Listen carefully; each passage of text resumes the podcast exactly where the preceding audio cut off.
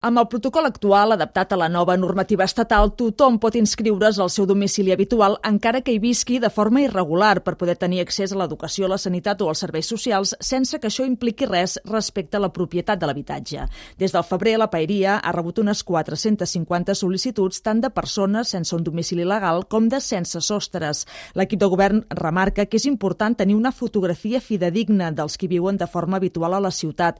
Malgrat tot, la tinent d'alcalde Jordina Freixenet Internet admet en declaracions a aquesta emissora que hi ha reticències a fer aquest pas amb l'administració que s'han de superar amb arguments com aquest coneixent-la, que l'acabarem coneixent perquè hi haurà una denúncia d'uns veïns, perquè hi haurà una denúncia d'algú altre, acabarà s'acabarà ficant sobre la taula de l'Ajuntament de Lleida. Si veiem que és possible de que allò se regularitzi, som els primers que, que fiquem tot l'equip de mediació a nivell d'habitatge a resoldre'l.